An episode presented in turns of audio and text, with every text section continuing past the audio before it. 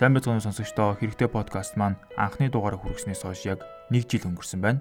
Энэ бүх хугацаанд бидэнтэй хамт байсан сонсогч та бүхэндээ баярлалаа.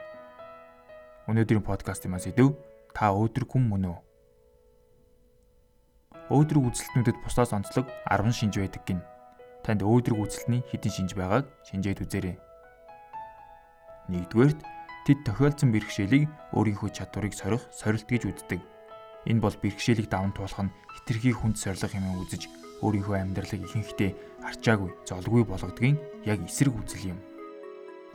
Хоёрдугаарт тэд амьдралаасаа баясал цэнгэлийг эдэлдэг. Эерэг сэтгэлээ нь хүмүүсийг өөрийнхөө амьдралын нөхцөл байдлыг тэр чигээр нь хүлээн зөвшөөрөх чадвартай, нинжин сэтгэлтэй болгодог. Гэвч энэ нь тэдний өөрийнхөө амьдралыг илүү сайн болгох гэсэн оролдлого, хичээл чармаалтыг зогсооно гэсэн үг биш юм. 3 дугаарт Тэд оюун ухаанаа шин санаа сэдэлд байнга нээлттэй байлгадаг. Ингэснээрээ тэд амьдралаа сайжруулах олон санаа сэдэл гаргаж зарим нэгэн амжилттай өөрчлөлтөд хүрдэг.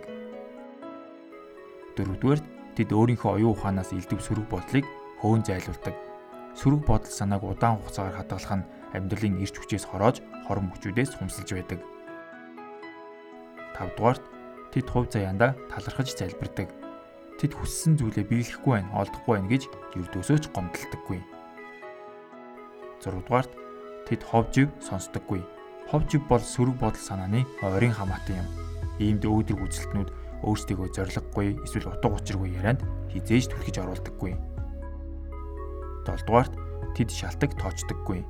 Тэд шалтак тоочхын оронд нэн даруй үйл ажиллагаанд ордог. Хинч зүгээр л яриад суугаад байж чадна гэдгийг мэддэг учраас тэр 8 дугаарт тэд өөдрөг өнгө үг хэллийг байнга хэрэгэлдэг. Тухайлбал энэ асуудал тун удахгүй шийдвэрлэгдэнэ. Та юу н авьяастай чадварлаг хүн шүү. Үүнд би хизээж эргэлздэггүй гэх зэргээр ярьдаг. 9-р тэд бие махбодын өөдрөг хэлийг тээж явдаг.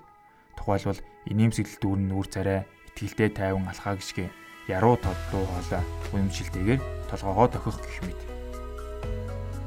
10 дугаарт тэд өөрснийхөө имиж болон гадаад төрөх байдалтай санаа тавьдаг.